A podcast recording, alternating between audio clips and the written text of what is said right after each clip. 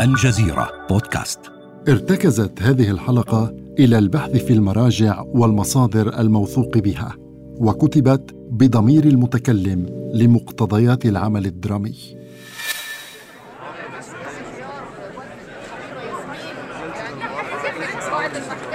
هدوء!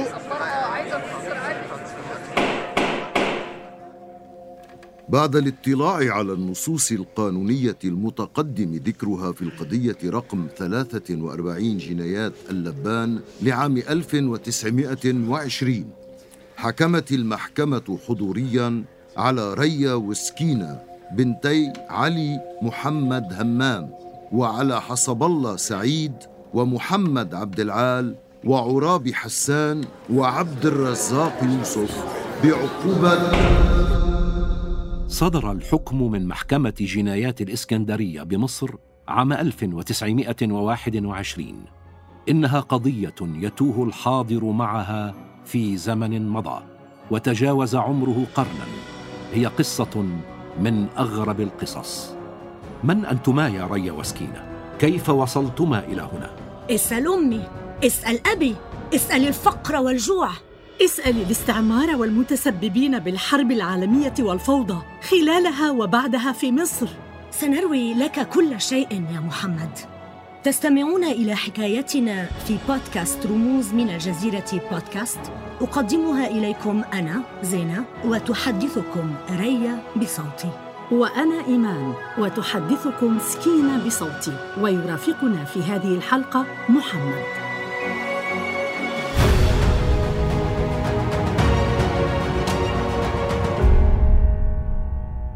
أهلا بكم أيها الأصدقاء. سنستمع اليوم لقصة اسمين تردد صداهما كثيرا في مصر خلال القرن العشرين. اسمين اقترنا بالشرور والجريمة. رافقونا في هذه الحلقة لنفك أسرار ري وسكينة.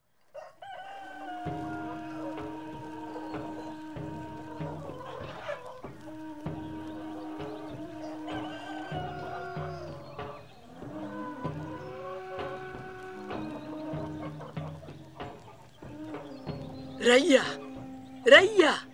انهضي يا ابنتي. بزغ الفجر. انهضي. احلبي الجاموسة وسيري بها إلى الحقل. هيا.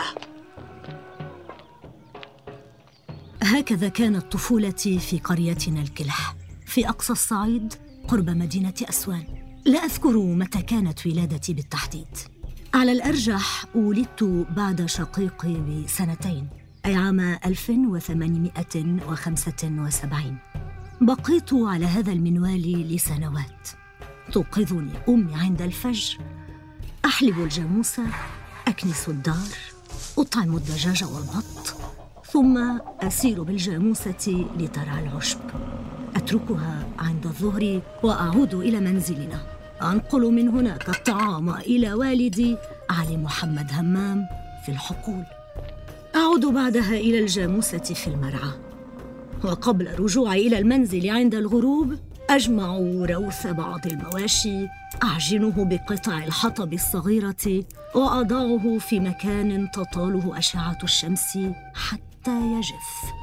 لنستخدمه كوقود أذكر أننا لم نكن نملك أرضا ولا شيء آخر حتى إن هذا الكوخ المتهالك الذي آوانا لم يكن ملكنا.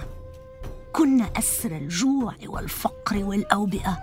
لم نعرف سوى قساوه العيش. جهزي نفسك يا ريا. سنغادر القرية نهائيا. لم نعد نطيق العيش هنا. هربت العائلة من الفقر والقهر إلى سوهاج وسط الصعيد. لم يكن الأمر أحسن حالا هناك. غادروها بعد فترة قصيرة وتوجهوا إلى مسقط رأس الأم بني سويف. هناك عاشت العائلة حدثا جديدا.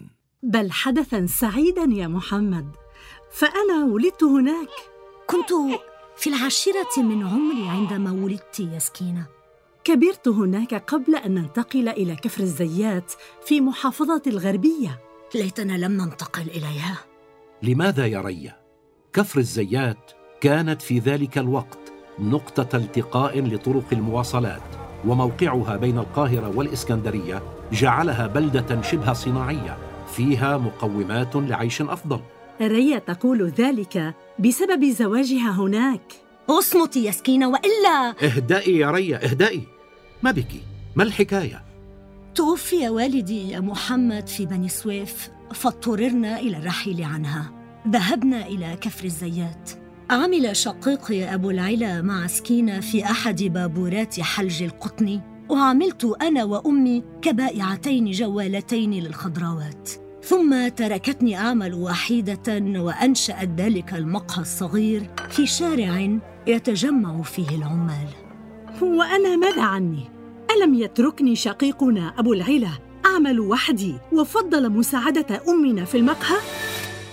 أبو العلا لم يستهوي العمل في حلج القطن وأنت يا ابنتي يا ريا لو لم أتركك وحيدة لعلك لم تتزوجي طوال عمرك أي زواج يا أمي؟ هذا العذاب الذي لحق بي تسمينه زواجا؟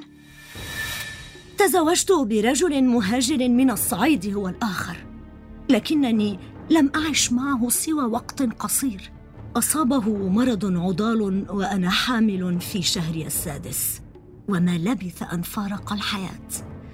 فترملت قبل أن ألد. رعاني من بعده شقيقه حسب الله سعيد مرعي. فتزوج بي كما كانت تقضي عادات بعض العائلات حينها. المصائب لم تفارقني منذ ذلك الحين. فبعد فترة توفي ولدي ابن زوجي الأول. وهو في عمر السنة. لم نقدر على تامين الغذاء الكافي له بعدها رزقت بأبناء وبنات من حسب الله لكن لم يعش من أولادي الخمسه الذين أنجبتهم سوى بنت واحدة سميتها بديعة. لم تكن ريا الوحيدة التي فقدت أولادها يا محمد. أنا أيضا فقدت ابنتي. التي لم يتجاوز عمرها بضعة شهور. زينب على اسم أمي رزقت بها من زوج طلقني بعد سنتين من زواجنا. كان هذا عام 1912 لم أتحمل الفاجعة. غادرت كفر الزيات وتوجهت إلى طنطا فسكنت فيها وحيدة. لم تهتم العائلة بأمري. حتى عندما مرضت هناك في طنطا وأدخلت المستشفى لفترة طويلة لم ياتوا لزيارتي. لكنني سأخبرك شيئا يفرحك. تعرفت في ذلك المستشفى إلى ممرض اسمه أحمد رجب. أحببنا بعضنا بعضا وانتقلنا سويا من طنطا إلى الإسكندرية وتزوجنا هناك. عقدنا قراننا في الإسكندرية في صيف عام 1914 وبعدها لحقت ريا بي إلى الإسكندرية مع زوجها و... أصمتي! لا تكملي. ماذا؟ ماذا تخفين يا ريا؟ أنا سأروي لك كل شيء. اشتعلت الحرب العالمية الأولى عام 1914 تفشت البطالة تعطل زوجي عن العمل. وأنا أصبحت أتجول وأبيع القصب فلا أحصل سوى على مبالغ تافهة منه. ضاقت أحوالنا. خفت من لجوئي أنا وزوجي إلى السرقة أو التسول لنؤمن رغيفنا. لم أجد أمامي سوى حل واحد. أجبرتني الحاجة إلى بيع جسدي مقابل المال. ماذا؟ كيف تجرؤين على هذا؟ أتصدق رغم إقدامي على هذا الأمر لم تتحسن أوضاعنا كما نريدها. كانت تسير من سيء إلى أسوأ. عندها قرر زوجي العمل مع السلطات الإنجليزية المشاركة في الحرب. سافر للعمل بعيدا عن مصر وكان يشارك في إيصال الذخائر والمؤن إلى جنود الحلفاء على الجبهات أو في حفر الخنادق وغيرها. وأنا واصلت عملي في الإسكندرية. أثناء غيابه أقدمت مع بعض النسوة على سرقات متكررة للحوم من مخزن للإنجليز لأبيعها في السوق. لكن قبض علي واودعت السجن لأسبوعين. سكينة سجنت في الإسكندرية وأنا سجنت في طنطا. هل لأنك كنت تسرقين أنت أيضا بل؟ لأنني كنت أحمي سارقين تردت الأوضاع خلال الحرب فقام زوجي حسب الله مع شقيقي أبي العلا بسرقة بعض متاجر البقالة لإعالتنا.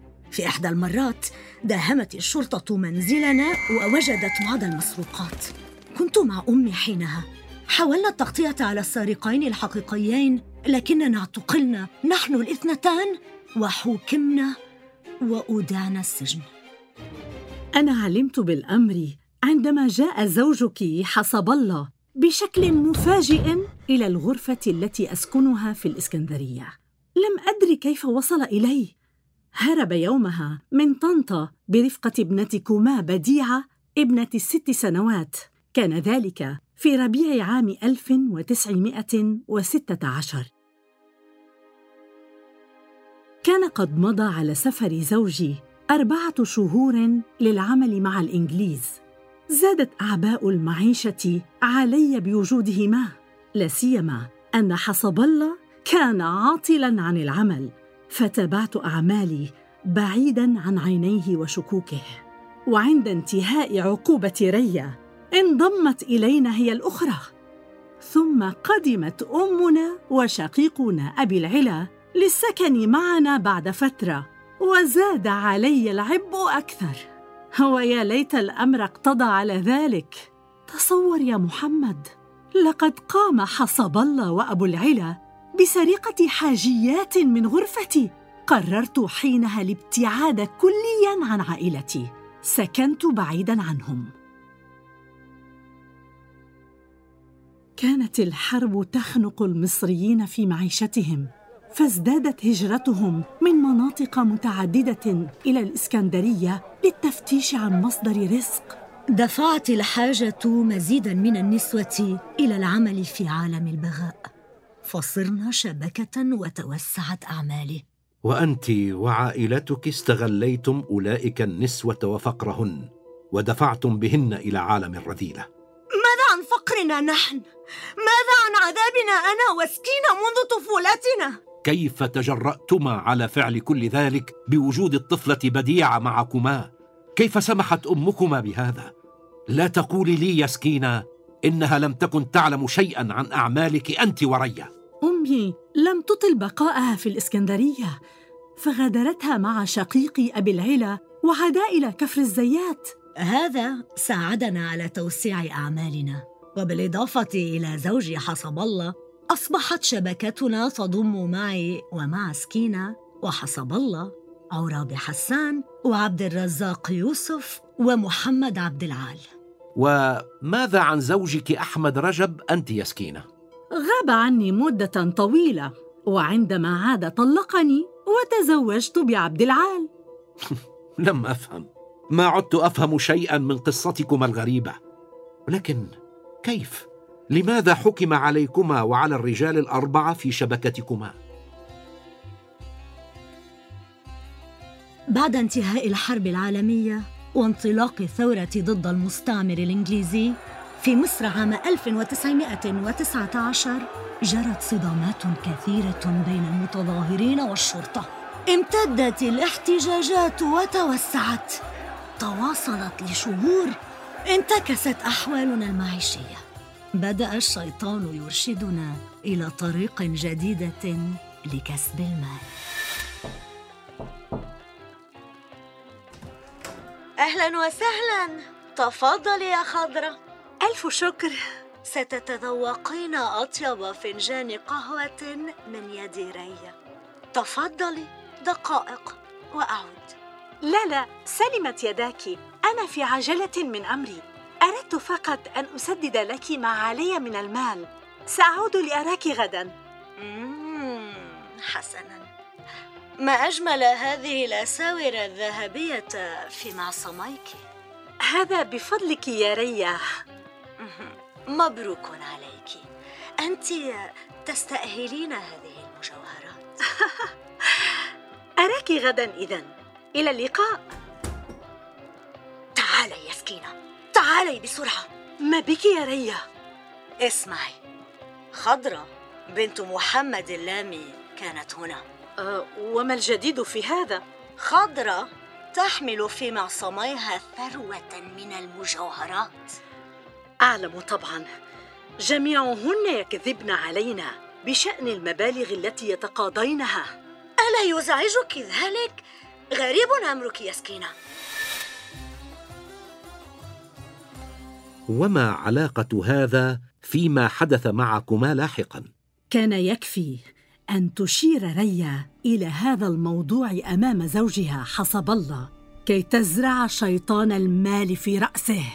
طرح حسب الله الأمر أمام زوج سكينة محمد عبد العال ورجلي الفتوة عرابي وعبد الرزاق فتحمسوا بدورهم. خطط الرجال الأربعة لنزع المجوهرات من خضرة عندما تكون وحيدة في منزلنا. لكن خافوا من أن تبلغ الشرطة بعدها. لم يجدوا أمامهم إلا حلا واحدا قتلها وإخفاء جثتها. خافوا نقل الجثة من مكان الجريمة كي لا يثيروا الشكوك. فدفنوها تحت أرض الغرفة. حدث ذلك في خريف عام 1919 لم نعرف بداية لا أنا ولا ريا من قتلها وأخفى جثتها. وما إذا كانوا قد تعاونوا جميعا على ذلك. لكنكما علمتما بأن جثتها أخفيت تحت أرضية الغرفة التي تسكنها ريا في الطابق الأرضي. ألم تبيعا مجوهرات خضرة واقتسمتما ثمنها؟ بلى. تابع رجالكما عمليات السلب والقتل بحق نساء أخريات. يعملن معكما بالطريقة عينها. المال المال المال. كلما احتاج رجالكما إليه كانت تقع جريمة جديدة. لم تنحصر الجرائم في مكان سكن واحد بل شملت كل الأماكن التي تستأجرانها. أنا وأختي لم نقتل أحدا. لكنكما مشاركتان في الجريمة. استسهلتم قتل أولئك النساء. ألم تقتل نضل الضحية الثانية وعزيزة ونبوية بعدها بالطريقة ذاتها؟ ثم ضحية خامسة وسادسة و و و و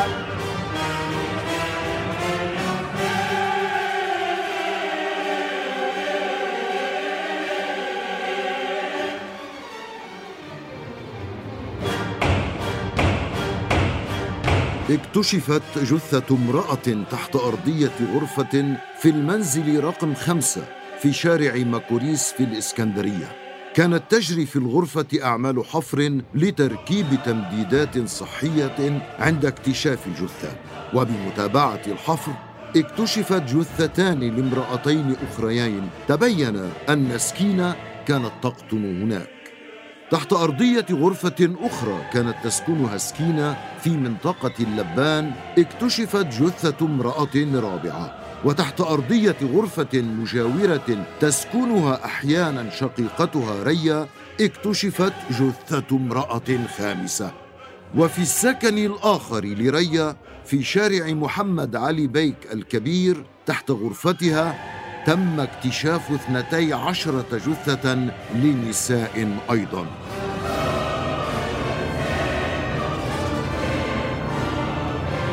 سبع عشرة جثة.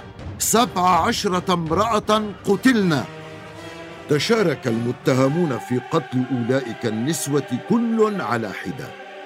كانت ريا وسكينة تقدمان إلى الضحايا خمورا قوية التأثير. فتنهار قواهن. يتم خنقهن بعد ذلك وتسرق الأموال والمجوهرات منهن قبل إخفاء جثثهن.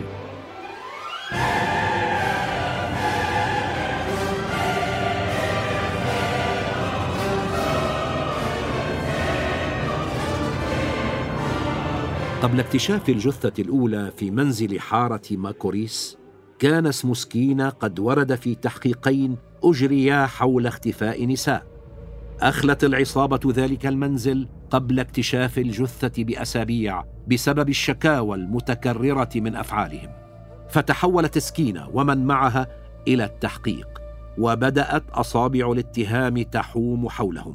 شغلت القضية الرأي العام المصري بكامل تفاصيلها وتابعتها الصحف بشكل يومي ومكثف. لقد تحول اسمي واسم شقيقة سكينة إلى رديف للشر. لكن هذا لم يكن عفويا وطبيعيا بل كان بفعل فاعل. لقد استغل المستعمر الإنجليزي قضيتنا وضخمها لإلهاء الرأي العام بعد ثورة عام 1919 لقد أرادوا أن يظهروا مصر كبلد تعمها الفوضى ويعوزها الدعم والوصاية ليقنعوا المصريين بضرورة بقائهم. كثيرة هي الشائعات والتفسيرات يا محمد. ثمة من يزعم أيضا أن سكينة كانت تتعامل مع الجهاز السري للثورة. لكن القرائن والأدلة التي بحوزتي صادمة. أنا كقاض حكمت على أساس الوقائع. ريا وسكينة وبمساعدة زوجيهما وآخرين شاركوا بقتل أولئك النسوة اللاتي عملنا معهن. تابعت ريا وسكينة والرجال الأربعة عمليات القتل لنحو سنة. قتلت خلالها سبع عشرة امرأة إلى أن انكشفوا وألقي القبض عليهم. وفي خلال التحقيق حاولوا إنكار معرفتهم بالضحايا ولجأوا جميعا إلى المراوغة. عمدت ريا وسكينة إلى الكذب. من خلال تجهيل أسماء بعض المعنيين بالقضية أو الخلط بين الأماكن والأزمنة. استعان محمد عبد العال بشقيقه ليشهد زورا أنه لم يكن موجودا في الإسكندرية وشهدت زوجته سكينة بذلك أيضا. قامت ريا وزوجها حسب الله بتلقين رواية لابنتهما بديعة لتبرئة ريا واتهام امرأة أخرى بالجرائم.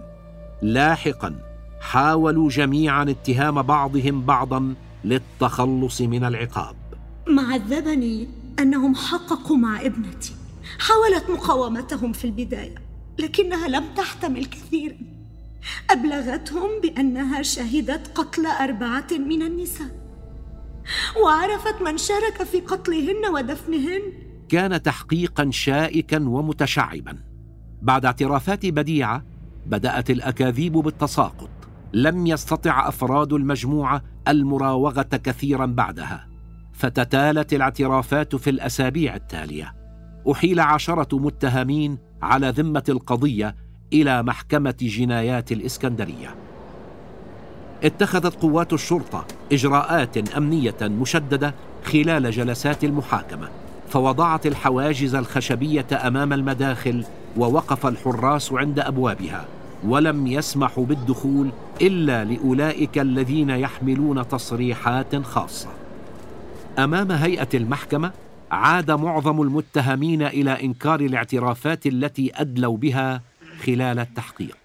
لكن ريا وسكينة أقرتا بصحة الاعترافات بأنهما شاركتا بإحضار المؤن وحضرتا عمليات القتل فقط من دون أن تنفذاها بأيديهما.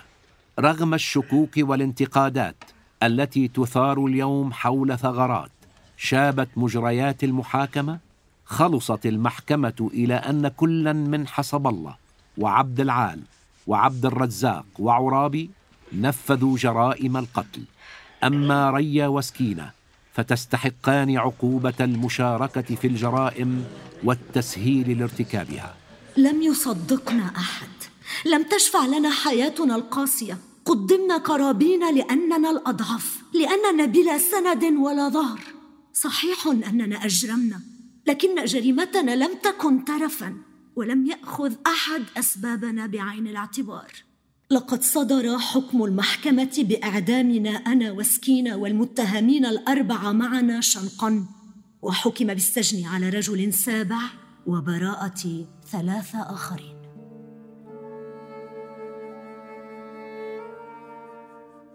في الحادي والعشرين من شهر ديسمبر كانون الأول عام 1921 رفعت الراية السوداء على سارية سجن الحضرة في الإسكندرية وانعقدت هيئة تنفيذ الحكم. وقف محافظ الإسكندرية والجلادان وحشد من الضباط والجنود في الفسحة التابعة للسجن أمام غرفة الإعدام. عند الساعة السابعة والنصف أحضرت مجموعة من الحراس رية كانت ترتدي ثوبا أحمر وتضع غطاء أبيض على رأسها. لم يظهر أنها خائفة. كانت متماسكة وهي تتقدم نحو حبل المشنقة. عند وصولها سألها المحافظ إذا كانت تحتاج إلى شيء قبل إعدامها. طلبت منه أن ترى ابنتها. أجابها بأنها رأتها سابقا. صاحت. لك الله يا بديعه بعد شنقها أحضرت سكينة. كانت تسير بنشاط. أطلقت بعض الكلمات وهي تتقدم نحو المشنقة. اللافت أنها قالت للجلاد ببعض العصبية وهو يوثق يديها قبل شنقها حاسب أنا صحيح وليه لكن جدعه والموت علينا حق. في الحلقة المقبلة من بودكاست رموز سنتناول سيرة رمز آخر رحل وترك أثره في حياتنا. لا تفوتوا حلقتنا التالية ويمكنكم الاستماع إلينا عبر Google Podcast أو Apple Podcast أو SoundCloud. فقط ابحثوا عن الجزيرة بودكاست. كما لا تنسوا مشاركة هذه الحلقة وزيارة موقعنا على الإنترنت podcast.aljazeera.net كان معكم محمد وزينة وإيمان. من بودكاست رموز من الجزيرة. إلى, إلى اللقاء, اللقاء.